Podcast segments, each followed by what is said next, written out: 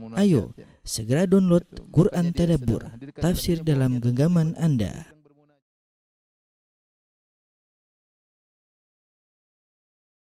Bismillahirrahmanirrahim. Assalamualaikum warahmatullahi wabarakatuh. Alhamdulillahi ala ihsanih wa syukru lahu ala taufiqihi wa amtinanih wa asyhadu an la ilaha illallah wahdahu la syarika lahu ta'ziman li sya'nih wa asyhadu anna Muhammadan abduhu wa rasuluhu da'ila ridwanih. Allahumma salli alaihi wa ala alihi wa ashabihi wa ikhwani. Para ikhwan dan akhwat, para dokter yang dirahmati Allah Subhanahu wa taala. Uh, kita lanjutkan bahasan kita pada kesempatan ini tentang uh, hadis-hadis arba'in nawawiyah. Kita sampai pada hadis yang ke-10 uh, di mana diriwayatkan dari Abu Hurairah an Abi Hurairah radhiyallahu taala anhu. Dari sahabat Abu Hurairah radhiyallahu anhu qal beliau berkata qala Rasulullah sallallahu alaihi wasallam Rasulullah SAW bersabda Inna Allah Ta'ala tayyibun la yakbalu illa tayyiban. Sungguhnya Allah itu maha baik dan Allah tidak menerima kecuali yang baik pula. Wa inna Allah amara al-mu'minin bima amara bihil mursalin. Dan Allah memerintahkan kaum mukminin dengan apa yang Allah perintahkan kepada para rasul. Faqala, Ya ayyuhar rusulu, kulu minat tayyibati wa'malu salihah. Wahai para rasul sekalian, makanlah yang baik-baik dan beramal solehlah kalian. Wa qala ya ayyuhalladzina amanu kulu min thayyibati ma razaqnakum. Wahai orang-orang yang beriman, makanlah dari kebaikan-kebaikan dari rezeki yang kami berikan kepada kalian. Thumma dzakara rajula yutilu safar. Kemudian Rasulullah SAW menyebutkan tentang seorang yang sudah lama bersafar, ash'atha akbar, yang rambutnya semerawut dan penuh dengan debu, yamuddu yadaihi ila sama, yang dia mengadakan kedua tangannya ke arah langit dengan berkata seraya berkata ya Rabbi ya Rabbi. Wahai Rabbku, wahai Rabbku. Wa mat'amuhu haram, makanannya haram, wa mashrabuhu haram, minumannya haram, wa ghudhiya bil haram dan dia dapat gizi atau dapat makanan dari yang haram, fa anna yustajabu lidzalik? Bagaimana bisa dikabulkan doanya? Hadis riwayat uh, Muslim. Uh, ikhwan dan akhwat yang dirahmati Allah Subhanahu wa taala, Bapak-bapak yang dirahmati Allah Subhanahu wa taala, hadis ini uh, menjelaskan tentang pengaruh uh, makanan yang halal dengan uh, diterimanya amal saleh. Makanya Allah Subhanahu wa taala berfirman, "Ya ayyuhar rusulu kulu minat thayyibati wa'malu salihah." Wahai orang-orang, wahai para rasul sekalian, kulu minat thayyibati. Makanlah dari yang baik-baik, wa'malu salihah dan beramal saleh. Di sini digandingkan antara makanan yang baik dengan amal saleh. Kenapa? Karena keterkaitannya sangat kuat, sangat erat ya. Makanya Rasulullah SAW memberi contoh eh, bahwasanya kalau makanan yang tidak halal menjadikan amal tertolak, menjadikan amal tertolak ya. Uh, kemudian Rasulullah SAW beri contoh tentang seorang yang berdoa dan doa adalah ibadah yang agung, tetapi ternyata dia makan dari makanan yang haram. Akhirnya doanya uh, sulit diterima oleh Allah Subhanahu Wa Taala. Kenapa? Karena dia uh, makan dari makanan yang haram. Tapi uh, di sini dibuka dengan hadisnya kata Nabi sallallahu alaihi wasallam innallaha thayyibun ya. Innallaha thayyibun la yakbalu illa tayyiban. Sungguhnya Allah Maha baik ya.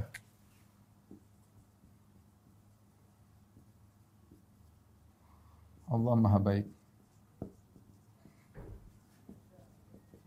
Uh, Tayyib sendiri, apakah ini termasuk nama Allah? Tayyib Maha baik. Uh, ada khilaf di kalangan para ulama ya, khilaf. Apakah Tayyib termasuk nama Allah? Khilaf ulama ya. Sebagian ulama mengatakan bahwasanya Tayyib termasuk nama Allah sehingga seorang boleh menamakan anaknya dengan Abdul Tayyib. Sebagian mengatakan bahwasanya Tayyib ini bukan nama Allah tapi dia hanya khabar. Kenapa? Karena dia datang dalam bentuk nakirah ya ini secara Tayyibun ya. Uh, lain halnya lain halnya kalau Allah, Allah kalau Nabi mengatakan innallaha at-tayyib Seandainya dia mengatakan at-tayyib pakai alif lam, maka itulah nama Allah. Tetapi ketika Nabi datangkan dengan nakirah, innallaha tayyibun, maka tayyib bukan nama Allah. Tapi saya katakan ini masalah khilafiyah. Sama seperti jamil, innallaha jamilun. Ya, Allah Nabi tidak mengatakan innallaha al-jamil. Dialah Allah yang terindah, tapi innallaha jamil, sungguhnya Allah indah. Ya, sama, innallaha tayyib, sungguhnya Allah itu baik. Ya. Beda dari kalau at-tayyib, alif lam, at-tayyib itu seperti dialah Allah yang terbaik. Uh, sehingga ada khilaf ulama apakah tayyib termasuk nama Allah atau tidak. Uh, ada dua pendapat ya. Uh, tayyib makna tayyib sendiri ya. Makna tayyib ya. At-tayyib itu adalah lawan dari al-khabith. Dari al-khabith. Dan ini banyak dalam Al-Qur'an. Allah menggandengkan antara at-tayyib dengan al-khabith. Kalau at-tayyib artinya baik, al-khabith artinya buruk. Buruk ya.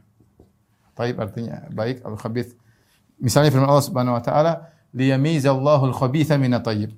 Seperti firman Allah, liyamizal liyamizallahu al-khabitha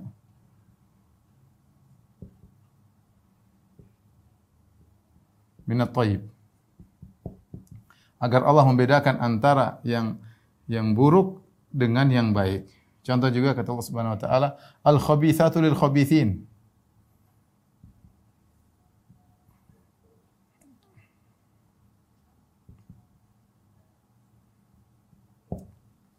wal khabithun al khabithat kemudian kata Allah wat tayyibatu lit tayyibin wat tayyibatu lit tayyibin wanita baik wanita buruk untuk lelaki buruk. Lelaki buruk buat wanita buruk. Wanita baik-baik untuk laki baik-baik laki baik-baik untuk wanita baik-baik. Intinya at-tayyib adalah lawan daripada uh, al-khabith. Terus apa maksud maksudnya Allah baik? Maksud Allah maha baik.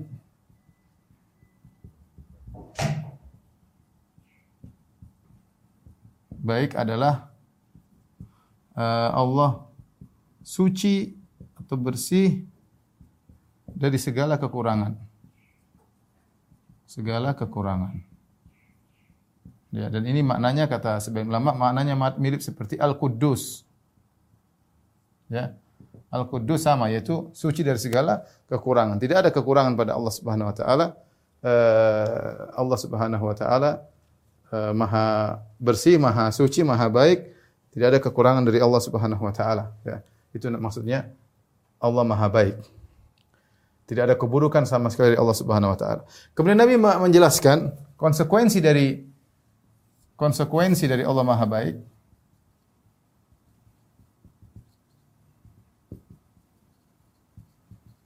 Maha baik adalah Allah tidak menerima kecuali yang baik.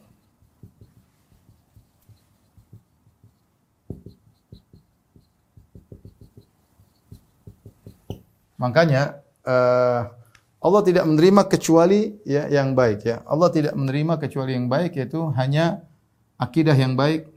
Allah hanya menerima menerima akidah yang baik. Allah hanya menerima perbuatan yang baik, amal yang baik. Allah hanya menerima perkataan yang baik.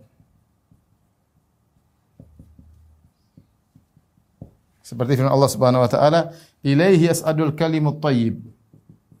Ilaihi yas'adu al-kalimut thayyib. Ya, kepada Allah naik perkataan yang baik. Jadi Allah hanya menerima perkataan yang yang baik. Perkataan yang baik Allah tidak tidak terima, ya. Makanya Allah mengatakan, "Mathalu kalimatin khabithatin." Ada perumpamaan kalimat yang buruk. Jadi ada perkataan yang buruk, perkataan yang baik. Perkataan yang baik terima oleh Allah, perkataan buruk tidak terima oleh Allah Subhanahu wa taala. Sama akidah yang buruk tidak diterima oleh Allah Subhanahu wa taala. Perbuatan yang buruk tidak diterima oleh Allah Subhanahu wa taala ya. Makanya uh, setelah Nabi menjelaskan bahwasanya konsekuensi dari Allah Maha baik, Allah tidak menerima yang tidak, kecuali yang baik pula. Setelah itu Nabi beri contoh ya. Setelah itu Nabi beri contoh ya.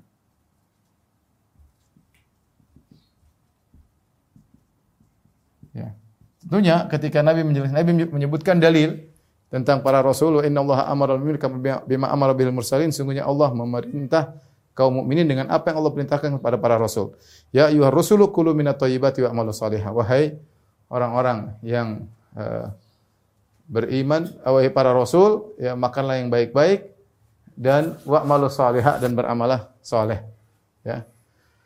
Uh, nah perbuatan baik ini dijelaskan oleh Nabi sallallahu alaihi wasallam ya di antara syaratnya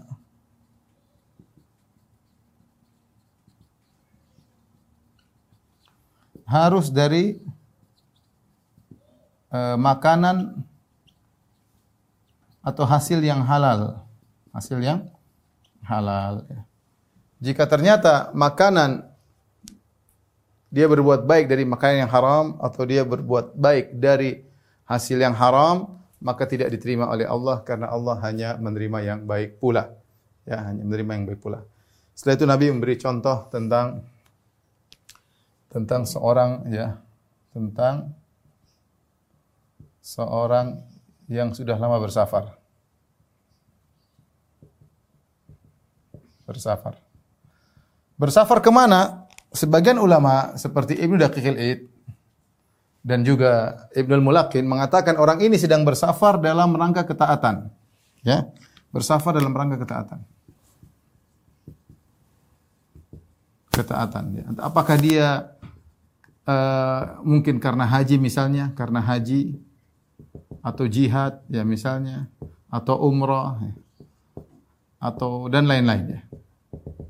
Dia sedang menjalankan safar dalam ketaatan tapi ternyata dia uh, makannya dari hasil yang haram. Makannya dari hasil yang yang haram ya. Taib. Rasulullah SAW kemudian menyebutkan contoh tentang thumma dzakara uh, ar-rajula yutilu safar. Orang ini contoh tersebut ya.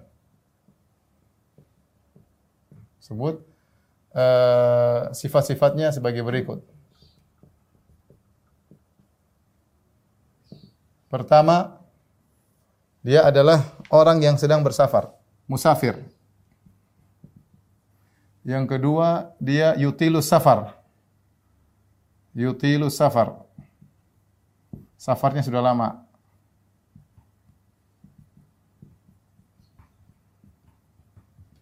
Kemudian yang ketiga, ash'ath akbar. Ash'ath akbar. Artinya adalah rambut semerawut, tidak tersisir, penuh debu. Kemudian di antara ciri berikutnya, yamudu yadahi ila sama, mengangkat kedua tangannya kedua tangannya ke langit.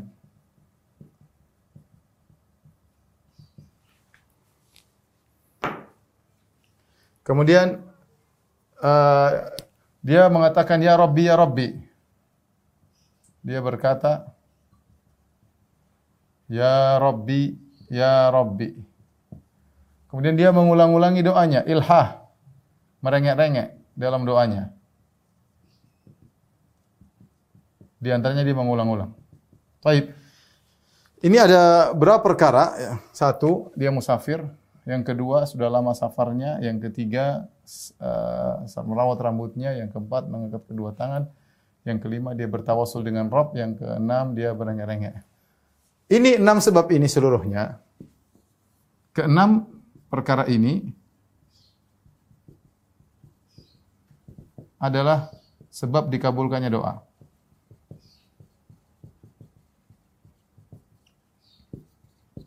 Jadi uh, saya ulangi Rasulullah SAW sedang menyebutkan contoh tentang tentang uh, pengaruh pengaruh makanan uh, terhadap tidak diterimanya suatu ibadah. Ibadah ini dalam contoh dalam kasus ini contohnya adalah doa. Ya. Jadi Rasulullah memberi contoh pengaruh makanan haram, pengaruh makanan haram terhadap tidak diterimanya ibadah ya. Jadi perhatikan uh, contoh ini laki ini, dia musafir. Kita tahu safar adalah sebab dikabulkannya doa. Dalam hadis kata Nabi sallallahu alaihi wasallam, "Thalathu da'awatin mustajabat la syakka fihinna." Tiga doa yang pasti dikabulkan, tidak ada keraguan tentang pengkabulannya. Di antaranya dakwatul musafir, doa orang yang sedang bersafar. Berarti doa orang bersafar mudah dikabulkan oleh Allah Subhanahu wa taala. Karena seorang yang bersafar diberi rahmat oleh Allah banyak. Dia diberi keringanan, boleh salat dua rakaat, dikosor, kemudian dia kalau puasa boleh berbuka, tidak harus berpuasa, ya dia boleh nanti di, di di bulan yang lain. Di antaranya doanya mudah dikabulkan karena dia seorang musafir. Perhatikan, dia musafir. Kemudian sebab yang kedua, dia bukan baru bersafar, dia yutilu safar, safarnya sudah sudah lama. Safarnya sudah lama dalam perjalanan jauh. Maka tadi saya katakan sebagian ulama seperti Ibnu Mulakin dan juga Ibnu Daqiqilid, para ulama Syafi'iyah, mereka mengatakan ini safarnya sedang dalam safar ketaatan, mungkin sedang berhaji yang butuh waktu yang lama, mungkin sedang umrah, mungkin sedang berjihad, mungkin sedang bersafar. Pokoknya dia sedang bersafar ketaatan, bukan safar jalan-jalan, bukan. Tapi dalam safar ketaatan, ya. Dan lamanya dia bersafar ini merupakan eh, sebab juga dikabulkannya doa. Ya, bukannya sekedar safar, tapi sudah lama bersafar. Kemudian Ash'ad Akbar, rambut semerawut, kemudian uh, penuh dengan debu akbar dan ini juga kondisi seorang yang jauh dari kesombongan, seorang dari kesombongan dan penuh kerendahan kehinaan di hadapan Allah, maka itu sebab dikabulkannya doa. Makanya Nabi SAW mengatakan, contohnya, wa amma sujud fajtahidu fid du'a faqamin astajabalakum. Adapun sujud, maka bersungguh-sungguhlah dalam berdoa. Karena mudah dikabulkan doamu dalam sujud. Kenapa? Karena orang sedang sujud, dia jauh dari kesombongan. Dia sedang sujud dan dia berkata, Subhana rabbiyal a'la wa bihamdihi. Ya, maha suci engkau Allah yang maha tinggi. Dia mengakui kerendahannya, maha kehinaannya. Dia meletakkan bagian anggota tubuhnya yang paling dia agungkan, letakkan di tanah, mengakui keagungan Tuhan. Saat itu dia mudah dikabulkan. Kenapa? Dia jauh dari kesombongan. Dia jauh dari kesombongan. Sama uh, seperti dalam hadis kata Nabi SAW, Rubba ash'ad akbar madfu'un bil abwab. Lau aksama aksama Allah la abarrahu. Betapa banyak seorang yang dia rambut semerawut penuh dengan debu kalau ngetuk pintu ingin bertamu ditolak tapi seandainya dia bersumpah dengan nama Allah maka Allah akan kabulkan sumpahnya. Demikian juga dalam hadis ketika Allah membanggakan para jemaah haji di padang Arafah Kata Allah Subhanahu wa taala kepada para malaikat, "Unzuru ila ibadi haula'i. Ja'uni syu'than ghubran ushidukum anni qad ghafartu lahum." Wahai para malaikat, lihatlah uh, hamba-hambaku mereka datang kepadaku di padang Arafah, rambut semerawut penuh dengan debu. Saksikanlah aku telah mengampuni dosa-dosa mereka. Jadi mau saya, di antara sebab dikabulkannya doa, seorang jauh dari kesombongan. Ya. Apa yang mau dia sombongkan? Penampilan tidak necis, rambut semerawut, penuh dengan debu. Ya beda kalau orang mungkin sedang naik mewah, eh, naik mobil yang mewah, kemudian necis, penampilan oke. Okay. Ya, beda dengan orang yang dalam kondisi susah, dalam kondisi bersafar, mungkin uh, biaya uh, tidak cukup dan macam-macam. Ini rambutnya semerawut, rambut penuh dengan debu. Ini sebab dikabulkannya doa. Kemudian sebab dikabulkan doa berikutnya adalah mengangkat kedua tangan. Ketika seorang mengangkat kedua tangan berdoa, ya, maka uh, sungguhnya dia sedang menjalankan salah satu adab dalam berdoa yaitu dia mengakui kehinaannya di hadapan Rabbul Alamin. Ya makanya dalam hadis kata Nabi sallallahu alaihi wasallam, "Inna Allah hayyin sittir yastahi min 'abdihi idza rafa'a ilaihi yadayhi an yaruddahuma sifran." Ya. Ya, kata Nabi sallallahu alaihi wasallam, sungguhnya Allah malu jika ada seorang hambanya mengangkat kedua tangannya ke arah Allah, ya, kemudian Allah kembalikan kedua tangannya dalam kondisi kosong. Ya Allah malu, Allah kabulkan. Makanya di antara adab doa adalah kita mengangkat tangan. Mengangkat tangan ketika berdoa dan ini dilakukan oleh orang ini. Ya muddu yadai ila sama, ya muddu berarti dia ulurkan tangannya seakan-akan dia benar-benar dalam kondisi terdesak. Kita tahu Nabi SAW berdoa, terkadang begini, terkadang Nabi mengangkat tangan sampai ke kelihatan kedua ketiak beliau. Ya ketika istisqa, Rasulullah SAW minta hujan, Rasulullah SAW mengangkat begini. Sampai tingginya, sampai terkadang ini, sampai seakan-akan di langit, Rasulullah SAW mengangkat begini, sampai kelihatan uh, bayad ibtaihi yaitu putihnya kedua ketiak Rasulullah sallallahu alaihi eh, wasallam. Jadi di antara sebab dikabulkannya doa adalah mengangkat kedua tangan ke arah Allah Subhanahu wa taala. Ya, yang penting angkat ada yang begini, ada yang begini. Bebas saja. Kata semakin semakin seorang semakin sulit biasanya diangkat semakin tinggi, semakin tinggi biasanya demikian. Ya. Uh, terkadang Rasulullah SAW dengan menunjuk jari dalam khutbah Jumat misalnya. Tapi intinya mengangkat tangan minta kepada Allah Subhanahu wa taala dan itu bentuk pengakuan kerendahan seorang hamba mengakui ketinggian Allah kemudian minta kepada Allah. Tapi sebab berikutnya yang dia lakukan adalah dia berkata ya Rabbi ya Rabbi dan uh, ini adalah tawassul dengan rububiyah ya. Ya Rabbi ya Rabbi maksudnya tawassul dengan nama Allah Ar-Rabb nama Allah Ar-Rabb. Jadi ini banyak dalam Al-Quran, kita perhatikan doa-doa dengan Rabb. Contohnya, Rabb, uh, wa qur rabbirhamhuma kama rabbayani saghira. Rabbi ghufirli wali walidayya kata Nabi Nabi Nuh kata Allah kepada uh, dalam Al-Qur'an wa qur rabbirhamhuma wa qur rabbirhamhuma kama rabbayani saghira. Katakanlah ya Rabbku uh, ampunilah rahmatilah kedua orang tuaku. Eh, eh, wa qur rabbirhamhuma rahmatilah kedua orang tuaku sebagaimana mereka berdua merawatku ketika masih kecil. Kemudian juga doa Nabi Nuh alaihissalam, Rabbi gufirli wali walidayya wali man dakhala baitiya mu'minan. Ya Allah, ampunilah aku dan ampunilah kedua orang tuaku banyak. Rabbana zalamna anfusana, Rabb Rabb semua. Rabbana zalamna anfusana wa illam taghfir lana la tarhamna lanakunanna minal khasirin. Ya Rabb kami Nabi Adam dan Hawa, sungguh kami telah menzalimi diri kami jika kau tidak mengampuni dosa dosa-dosa kami sungguh kami termasuk hamba-Mu yang merugi. Kemudian apa? Rabbana atina fid dunya hasanah wa fil akhirati hasanah wa qina adzabannar. Dan banyak doa-doa para anbiya uh, dan juga doa-doa orang soleh dengan Rabbana Rabbi Rabbana. Kenapa? Karena dikabulkannya doa berkaitan dengan rububiyah Allah Subhanahu wa taala. Berkaitan dengan pengaturan alam semesta. Allah memberi rizki, Allah menahan rizki, Allah mengatakan kun fayakun. Ini semua berkaitan dengan rububiyah Allah. Yang kita tahu rububiyah Allah adalah berkaitan dengan pengaturan alam semesta. Maka seorang dianjurkan ketika berdoa dengan menggunakan nama Allah, ya Rabbi, Rabbana, Rabbi, Rabbana itu bagus ya. Kemudian di antara sebab yang dia lakukan, karena dia merengek-rengek, dia ulang-ulang, ya Rabbi, ya Rabbi, berarti dia ulang-ulang. Ya, di antara di antara sunnah Nabi SAW kalau berdoa di, di Nabi mengulang sampai tiga kali. Karena Nabi SAW idha da'a da'a thalathan. Kata Ibn Mas'ud. Adalah Rasulullah SAW jika dia berdoa, dia berdoa tiga kali. Rasulullah mengulang-ulang sampai tiga kali. Dan dilakukan oleh orang ini. Dia berkata, Ya Rabbi, Ya Rabbi.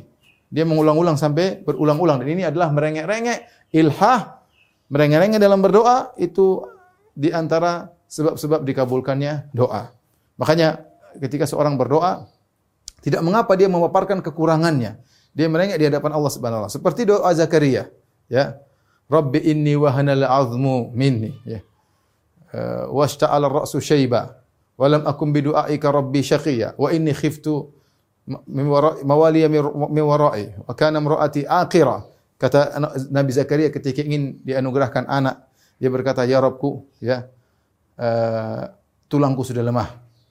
Aku sudah sangat tua wasya'ala ra'su syaiba. Rambutku semua sudah putih, enggak ada hitamnya, semua putih. Wa mraati akhir. Kemudian istriku mandul. Tapi saya butuh ya Allah. Saya khawatir kalau saya meninggal enggak ada yang mengurusi Bani Israel. Fahabili min ladunka waliya. Anugerahkanlah kepadaku ya uh, anak yang saleh dari sisimu. Dia berdoa sambil merengek sambil menyebutkan kekurangannya. Dan itu baik dalam berdoa ya. Seorang menyebutkan kekurangannya di hadapan Allah Subhanahu wa taala, mengakui kerendahannya, mengakui keperluannya, mengakui kebutuhannya kepada Allah, merengek-rengek itu sebab dikabulkannya doa. Perhatikan, ternyata lelaki ini yang diberi contoh oleh Nabi sallallahu alaihi wasallam ini dia telah melakukan enam sebab dikabulkannya doa. Yang jika satu saja dilakukan, ya, memudahkan dia untuk dikabulkan doanya. Apalagi terkumpul pada dirinya enam sebab ini. Terkumpul pada dirinya enam sebab ini. Tapi ternyata doanya tidak dikabulkan. Namun ternyata doanya tidak dikabulkan.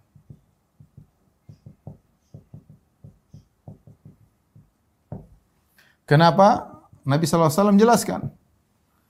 Makanannya, minumannya, mat'amhu haram. Ternyata, kata Nabi, mat'amhu haram. Mat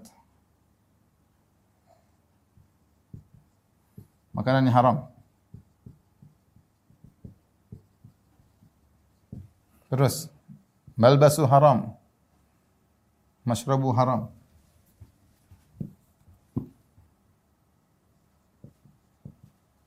Minumannya haram.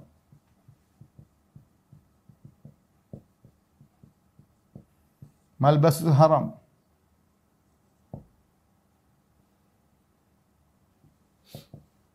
Pakaiannya haram. Apa yang dia pakai haram. Uh, pakaian di sini umum ya. Pakaian di sini umum mencakup baju ya. Baju, kemudian mungkin jam tangan, mobil yang dia pakai. Ya. Yang itu dia, dia gunakan dalam dalam dirinya, mobil apa kayak ya. Uh, baju, jam tangan, semuanya haram. Maka Meskipun dia sudah melakukan sebab-sebab dikabulkannya doa, namun ketika ada penghalang, ini semua penghalang penghalang dikabulkan, ini namanya penghalang. Sebab-sebab sudah ada. Sebab-sebab dikabulkan doa sudah ada. Sudah lengkap kalau saya katakan. Sudah lengkap. Ya. Tapi ada penghalang. Tapi ada penghalang. Inilah penghalangnya ya. Makan haram, minum haram, pakaiannya haram. Apa yang terjadi? Kata Nabi sallallahu alaihi wasallam, fa anna yustajabu lidzalik. Sehingga apa? Kesimpulannya fa anna yustajabu lidzalik. Bagaimana bisa dikabulkan? Bagaimana mau dikabulkan?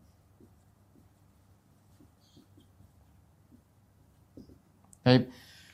Ini uh, kesimpulan daripada hadis yang uh, kita bahas, hadis nomor 10. Saya ulangi urutannya, tolong perhatikan. Uh, Nabi membuka hadisnya dengan Inna Allah tayyibun la yaqbalu ila tayyib. Tayyiban. Allah itu maha baik dan konsekuensi Allah maha baik, Allah tidak menerima kecuali yang baik-baik pula. Kemudian Nabi SAW menjelaskan tentang keterkaitan antara uh, makanan dengan diterimanya amal saleh. Ya. Kata Nabi SAW, Fa inna Allah amara al-mu'minin bima amara bihil mursalin. Allah memerintahkan kaum mukminin dengan apa yang Allah perintahkan kepada para rasul. Ya ayuhar rusulu kulu minat tayyibati wa'malu salihah. Wahai para rasul, makanlah yang baik-baik dan beramal saleh. Makan yang baik beramal saleh. Ada kaitannya antara makan yang baik dengan beramal saleh. Kemudian Allah berfirman kepada orang yang beriman, ya alladzina amanu kulu minat tayyib kulu min tayyibati ma razaqnakum. Wahai orang yang beriman, makanlah dari yang baik yang kami rezekikan kepada kepada kalian. Jadi tinggalkan rezeki yang haram, ambil rezeki yang halal. Setelah itu Rasulullah SAW memberikan contoh tentang seorang yang sudah lama bersafar, ya. Dan safarnya adalah safar ketaatan, disebut oleh para ulama, safar untuk haji atau jihad atau umrah dan yang lain-lain. Ya Rasulullah ingin jelaskan bagaimana contoh suatu ibadah tidak diterima karena makanan haram. Ibadah tersebutlah doa. Dan doa kita tahu adalah Doa huwal ibadah kata Nabi SAW. Doa adalah intisari ibadah. Ya. Bahkan boleh kita katakan ibadah teragung adalah doa. Kenapa? Karena dalam doa benar-benar nampak bukti antara hamba dengan Tuhan. Hambanya mengaku saya sebagai makhlukmu ya Rabb. Saya butuh kepada pertolonganmu dan dia mengakui ada Tuhan sehingga dia mengatakan ya Allah ya Rabbi dia minta. Ya, berarti dia mengaku dia sebagai hamba jadi doa atau ibadah yang paling menunjukkan bagaimana lemahnya hamba dan agungnya Tuhan adalah doa. Karena ketika itu benar-benar nampak kerendahan dan kehinaan hamba dan benar-benar nampak keagungan Tuhan karena sang hamba sedang berdoa kepada Tuhan. Makanya kalau seorang berdoa kepada selain Allah itu super syirik. Kata kata Allah Subhanahu wa taala, "Wa man adallu mimma yad'u min dunillah." Dan siapa yang lebih sesat daripada orang berdoa kepada selain Allah? Karena doa itu adalah ibadah yang paling membuktikan hamba yang tunduk kepada Tuhan. Jadi Nabi memberikan contoh tentang ibadah doa. Ibadah doa tersebut ternyata tidak diterima. Gara-gara apa? Gara-gara makanan haram. Nih lihat dia sudah memenuhi sebab-sebab dikabulkannya doa. Musafir, safarnya sudah lama, rambut samawat penuh dengan debu, mengangkat kedua tangan. Ya Rabbi, Ya Rabbi, merengek-rengek. Enam sebab dikabulkannya doa. Tetapi ternyata sebab-sebab di, sudah di sudah dilaksanakan, sudah lengkap, ya sebab-sebab sudah lengkap, ya tapi ada penghalang. Penghalang ternyata apa? Makannya haram, minumnya haram, pakaiannya haram. Ya. Saya ingin jelaskan pakaian haram sini juga penghalang. Ya. Jadi bukan yang menghalang, bukan cuma yang kita makan doang. Yang kita pakai juga menghalangi. Jadi dikabulkannya doa. Karena Rasulullah mengatakan, Ombal basuhu haram. Ya, karena sebagian orang, dia mungkin main riba, mungkin dia main judi, dia mungkin bohongin orang. Ah ini kalau ini bukan buat makanan, ini buat saya beli mobil, ini buat saya jalan-jalan, untuk makan yang halal. Tapi untuk yang jalan-jalan, untuk beli mobil, untuk foya-foya, untuk sana kemari, yang haram. Padahal tidak ada bedanya. Tidak ada bedanya. Mau dipakai uang haram tersebut untuk makan, sama dengan dipakai uang haram tersebut untuk beli pakaian. Tidak ada bedanya. Oleh karenanya, jika dia menggunakan uang haram tersebut untuk makannya, atau untuk minumnya, atau untuk beli pakaiannya, untuk beli mobilnya, untuk beli sendalnya, untuk beli sepatunya, untuk beli tas brandednya, maka ini semua menjadikan amal tidak diterima, di antaranya doa. Kalau doa saja tidak terima, bisa jadi amal-amal yang lain juga tidak diterima. Akan kita bahas setelah ini, tolong dihapus. Uh, selanjutnya, para dokter yang dirahmati Allah Subhanahu wa taala, kita akan bahas tentang contoh-contoh amal tidak diterima ya, karena ada sebab penghalangnya. Karena ada sebab penghalangnya ya. Contoh-contoh amal-amal yang tidak diterima karena ada penghalangnya.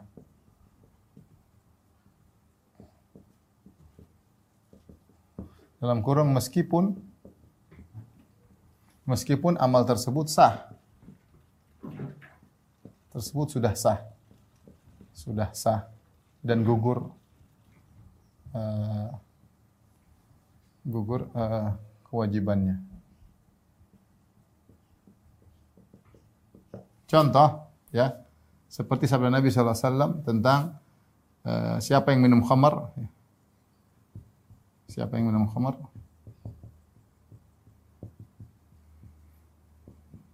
Lam yakbalullah salatu arba'ina yauman ya. Allah tidak terima terima salatnya 40 hari. Sama. Siapa yang man atakaina arrafan lam tuqbal salatu arba'ina yauman. Ya. Siapa yang ke dukun yang datang ke dukun sekedar nanya-nanya ya. Sekedar nanya-nanya tidak diterima uh, sholatnya 40 hari. Dalam hadis juga yang lain, uh, budak yang kabur dari tuannya dalam hadis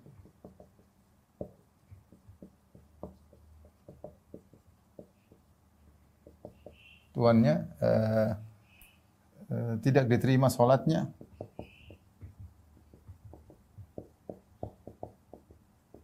hingga kembali sehingga balik hingga kembali kepada tuannya. Ini semuanya datang dalam hadis ya. Saya hanya sampaikan secara singkat. Kemudian di antaranya uh, misalnya Nabi mengatakan salah satu la, la tukbal salatu fawqa ru'usihim shibran. Tiga orang yang Allah tidak akan uh, menerima salatnya di atas kepalanya ya. Di antaranya rajulun amma qaumun lahu karihun. Kemudian di antaranya kata Nabi sallallahu alaihi wasallam uh, al-akhwani al-mutasariman. Dua orang yang sedang bertikai. Ya, bertikai.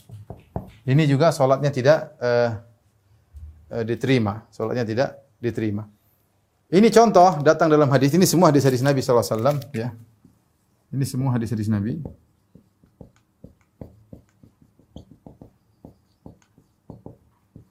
Hadis Nabi sallallahu alaihi wasallam yang menunjukkan ada di sana amalan yang tidak diterima karena ada penghalangnya meskipun amal tersebut sudah sah dan gugur kewajibannya. Orang yang mabuk apakah setelah dia sadar dia wajib sholat wajib sholat dia sholat tetapi dia sholat 40 hari tidak ada pahalanya. Kalau dia tidak sholat ya lebih dosa lagi. Artinya misalnya dia dia dia, dia minum minum khamar hari Kamis. Kemudian dia hari Jumat dia sadar ya dia wajib sholat, tapi selama dari hari Jumat sampai 40 hari ke depan sholatnya tidak diterima. Kenapa? Dia sudah melakukan punya penghalang, penghalangnya dia minum khamr. Sama dua orang sedang bertikai. Al akhwani mutasariman kata Nabi SAW orang tidak diterima sholatnya, tidak diangkat kepalanya, tidak ya, sholatnya tidak diangkat di atas kepalanya, tidak diterima oleh Allah. Kenapa dia bertikai? Bertikai satu dengan dengan yang lainnya, sesama saudara saling bertikai, tidak diterima sholatnya sampai mereka uh, berdamai kembali. Kemudian contohnya lagi orang yang pergi ke dukun, sekedar nanya-nanya, tidak membenarkan kalau membenarkan perkataan dukun kafir. Tapi sekedar nanya-nanya, nanya dukun, nanya dukun, ingin tahu ya. Solatnya empat bulan tidak diterima, tidak diterima. Solatnya sah. Kalau dia dia sudah sudah solat sudah sah, tidak kita tidak bilang dia harus mengkodok lagi. Solatnya sah, tetapi tidak ada pahalanya, tidak terima selama 40 hari. Sama budak yang kabur dari tuannya, ya, al-abdul abiq dalam dalam hadis orang kabur budak yang kabur kemudian dia sholat tidak diterima sholatnya sampai dia kembali kepada majikannya. Ini semua dalil yang menunjukkan ada ibadah yang diterima uh, uh, yang yang sah tapi tidak diterima tidak diterima ibadahnya tersebut. Contoh kias dikiaskan para ulama mengkiaskan ya. Para ulama mengkiaskan eh, dengan hadis-hadis tersebut perkara-perkara berikut.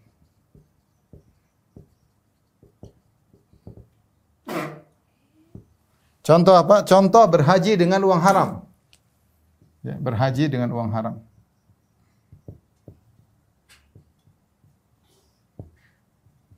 Hmm. Berhaji dengan uang haram, ya. Apakah hajinya sah? Kata para ulama hajinya sah. Ya, hajinya sah. Tetapi dia tidak dapat pahala sama sekali. Hajinya tidak mabrur. Dia mengatakan labbaik dalam hadis dhaif datang ya, hadis dhaif tapi maknanya benar. Jadi kalau seorang berhaji dengan haji uang haram, kemudian dia sampai dia berkata labbaik Allahumma labbaik, maka ada yang menjawab malaikat menjawab la labbaik wala sa'daik, tidak ada labbaik bagi engkau. Ya.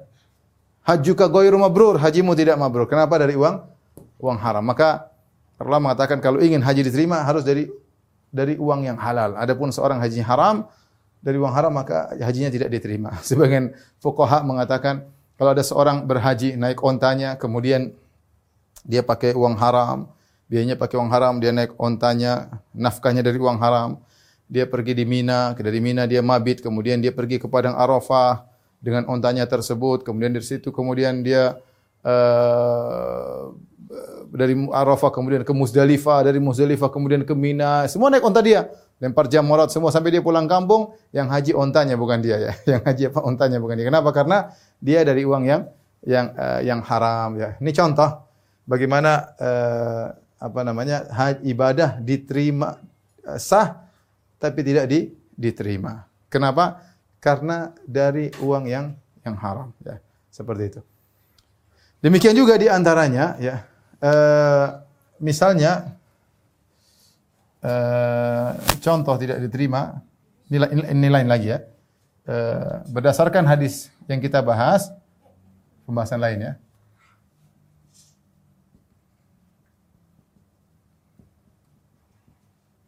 Hadis yang kita bahas. Sedekah ya. Sedekah dengan harta haram ya maka tidak diterima. Ini contoh juga berhaji dengan uang haram. Contoh jadi para ulama menyebutkan misalnya uh, wakaf. Wakaf dengan uang haram. Sama ya. Ya, wakaf dengan uang haram. Ya wakafnya sah, tapi tidak diterima oleh Allah Subhanahu wa taala. Kenapa? Dari uang haram. Ini misalnya orang korupsi, orang anu kemudian dia dia ingin wakaf dari korupsi tersebut. Ya sudah tidak diterima oleh Allah Subhanahu uh, wa taala. Ya. Uh, demikian juga sedekah dengan harta haram maka tidak diterima ya. Serta sedekah dengan harta haram tidak di, uh, diterima ya. Contoh sedekah dari hasil judi ya. Kenapa Allah thayyib la yaqbalu illa thayyiban. Allah tidak terima kecuali yang baik. Sedekah dari hasil riba ya misalnya para ribawiyin tukang riba membangun masjid tidak diterima. Tidak diterima. Kalau dia niat bersedekah tidak diterima. Bahkan sebagian ulama mengatakan ini dosa. Tahu ini uang haram, sengaja bersedekah dengan uang haram dan menganggap ini sedekah, dosa. Ya, saya ulangi, beda ya antara orang bersedekah dengan uang haram dan ini sengaja dia punya hasil riba, hasil judi dia oh saya bersedekah, bersedekah Allah terima. Ini enggak boleh, dia berdosa. Lain halnya dengan seorang ingin sudah bertobat dan ingin membebaskan dirinya dari uang haram itu lain cerita. Itu lain lain cerita. Tapi kalau dia berniat untuk bersedekah dengan uang haramnya sebagai sedekah, maka ini tidak akan diterima bahkan sebenarnya mengatakan itulah dosa. Ya, itulah dosa. Maka sedekah dengan harta haram, apa untuk bangun masjid, untuk anak yatim, tidak ada yang diterima oleh Allah Subhanahu wa taala karena Allah tidak menerima kecuali yang baik-baik pula ya. Seperti pejabat yang koruptor, kemudian dia ingin bersedekah dari hasil korupsinya tidak diterima membantu anak yatim membantu apa tidak diterima kenapa itu uang haram tidak diterima oleh Allah Subhanahu uh, wa taala. Baik. Uh, terakhir kita bahas tentang uh, kita bahas tentang bertobat dari uang haram ya.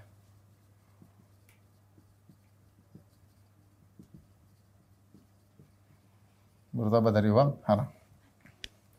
Saya menajubkan satu saat saya pernah di di Arab Saudi kemudian saya dengar uh, di radio Quran ya tentang pemerintah Arab Saudi memberi pengumuman siapa yang merasa pernah mengambil korupsi uang negara maka silakan ditransfer ke rekening ini yang ingin merasa uh, supaya dia membebaskan diri daripada uang haram ya. Maka banyak transferan ya maksudnya mungkin ada yang merasa dia kerjanya nggak beres, dia merasa makan uang haram, maka uangnya dia kembalikan. Pemerintah membuka uh, rekening khusus untuk menerima uang-uang yang merupakan hasil yang tidak benar ya.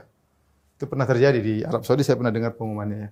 Tapi bertobat dari uang haram, maka ada dua, dua kemungkinan. Yang pertama, uang haram tersebut diketahui pemiliknya. Eh, apa, apa namanya? Ya. Eh, diketahui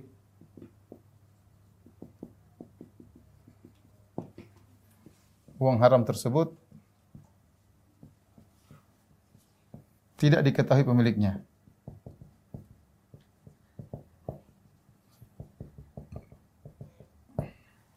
Tidak diketahui pemiliknya. Contoh, contoh seorang dahulu mencuri. Dia sudah tidak tahu siapa yang dia curi.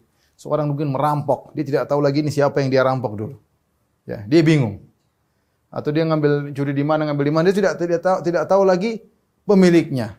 Nah, bagaimana cara dia bertobat dari uang haram tersebut? Kalau tidak diketahui pemiliknya, ya, maka uangnya seharusnya uangnya diserahkan ke Baitul Mal uangnya diserahkan ke Baitul Mal Baitul Mal milik kaum muslimin.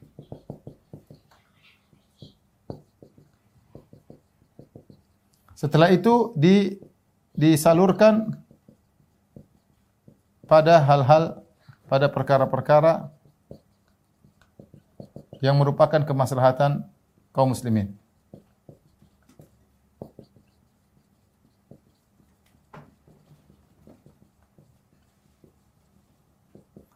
Ya, contoh buat fakir miskin boleh, buat jembatan boleh, buat masjid boleh, nggak ada masalah. Jadi uang tersebut haram bagi orangnya. Tapi ketika diambil ditaruh kepada baitul mal menjadi halal karena dikembalikan kepada pemiliknya, pemiliknya nggak diketahui. Kalau pemiliknya diketahui diserahkan kepada baitul mal menjadi milik kaum muslimin, dimanfaatkan. Maka disalurkan pada perkara yang merupakan kemaslahatan kaum muslimin. Bikin masjid boleh, bangun jembatan boleh, bangun madrasah boleh, Ya, apa saja, apa saja. Karena Ustadz kok kita bangun masjid pakai uang haram? Bukan, uang haram tersebut statusnya haram bagi dia. Dia yang mencuri. Dia yang mencuri. Tetapi ketika dia bertobat, uangnya dia kembalikan, dia tidak tahu pemiliknya, maka uang tersebut diletakkan ke Baitul Mal, milik kaum bersama kaum muslimin. Jadi statusnya berubah dari haram menjadi halal. Saya ulangi. Ini haram bagi pencuri. Berubah status jadi halal, berubah status, berubah status jadi halal. Jadi halal eh, bagi eh, bagi kaum bagi kaum muslimin.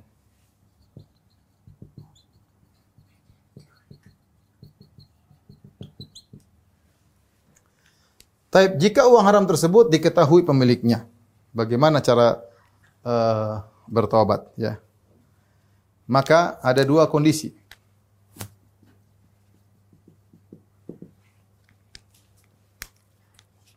Uh, yang pertama, uh, diperoleh dengan cara zalim. Dengan cara zalim. Ya, seperti mencuri. Contoh mencuri, uh, korupsi, uang uang uh, kalau korupsi uang negara tinggal kembalikan ke negara ya.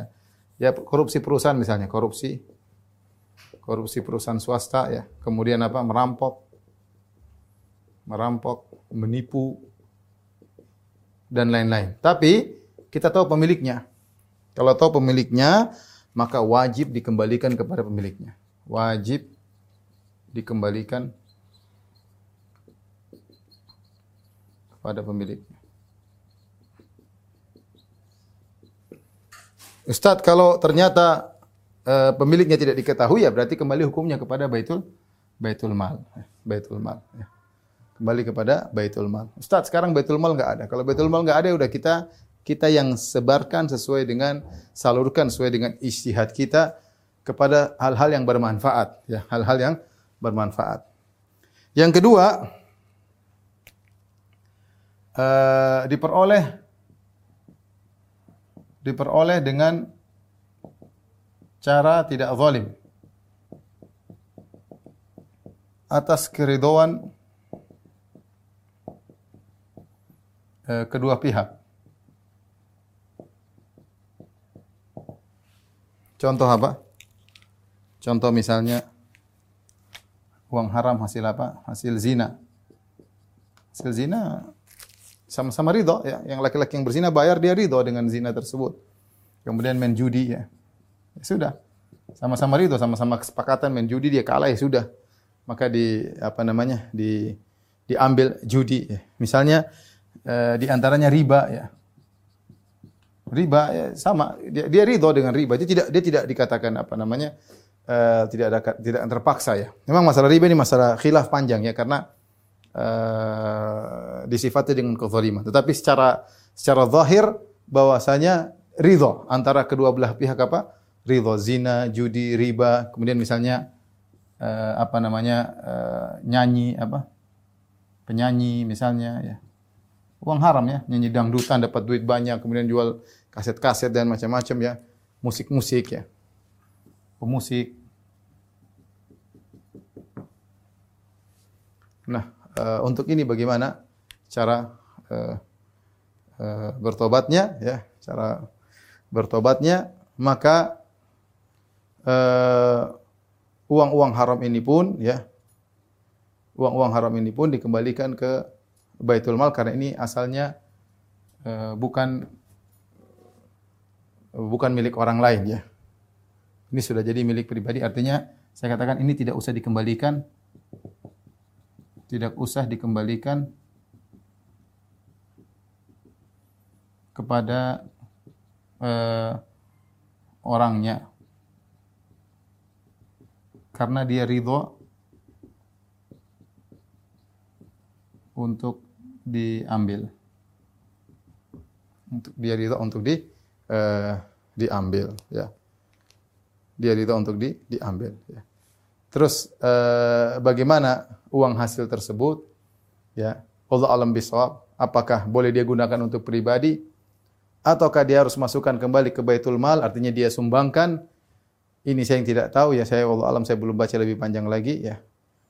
Kalau riba, orang yang riba, kemudian dia bertobat kepada Allah Subhanahu wa taala, maka pendapat yang kuat ya, pendapat ada khilaf memang, tapi pendapat yang kuat bahwasanya uangnya dia boleh pakai untuk pribadi. Tidak usah dia sumbangkan, dia sudah bertobat ya. Kata Allah, "Faman ja'ahu mau'izatu min rabbih fantahu ma fantahu falahu fantaha falahu ma salaf." Ya. Wa amruhu ila Allah. Barang siapa yang setelah datang peringatan kepada tentang riba, fantah kemudian dia berhenti, falahu masalah, maka bagi dia apa yang telah lalu. Allah tidak menyuruh kembalikan kepada uh, kembalikan kepada uh, orang yang dia ambil ribanya. Ya, jadi dan itu lebih mudah bagi dia untuk uh, bertobat ya. Sehingga pendapat yang lebih kuat kalau seorang sudah bertobat dari riba, uang yang pernah dia peroleh dari uang riba dia boleh gunakan menjadi halal baginya karena dia bertobat. Karena dia bertobat ya. Wadaru wadaru ma baqiya minar riba. Allah mengatakan tinggalkanlah uh, apa yang tersisa dari riba. Seakan Allah tidak mengatakan kembalikan riba tersebut ini dijadikan dalil oleh Syekh Islam Taimiyah. Allah tidak mengatakan kembalikan riba yang kalian ambil kepada pemilik awalnya. Uh, Allah tidak mengatakan demikian, tapi Allah mengatakan wadaru ma baqiya minar riba. Tinggalkanlah selanjutnya yang tersisa dari riba. Artinya yang sudah berlalu tidak jadi masalah. Yang sudah berlalu tidak jadi masalah. Nah, kalau riba, kalau riba pendapat yang lebih kuat, kalau dia sudah bertobat, maka uang yang pernah dia peroleh boleh dia gunakan untuk kehidupannya, dia boleh gunakan untuk apa namanya? usahanya ya Nah, apakah apakah itu berlaku juga bagi zina, judi, penyaji dan musik? Wallahu alam uh, bisawab ya. Mudah-mudahan berlaku juga namanya sudah bertobat ya. Tidak harus dia menyumbangkan seluruh harta yang dia miliki. Dia bertobat kepada Allah uh, dan dia bisa menggunakan untuk kebaikan-kebaikan yang berkaitan dengan dirinya. Tapi demikian saja para dokter yang dirahmati Allah Subhanahu wa taala apa yang bisa sampaikan. Kurang lebihnya saya mohon maaf. Subhanakallah bihamdik asyhadu an la ilaha illa anta. Assalamualaikum warahmatullahi wabarakatuh.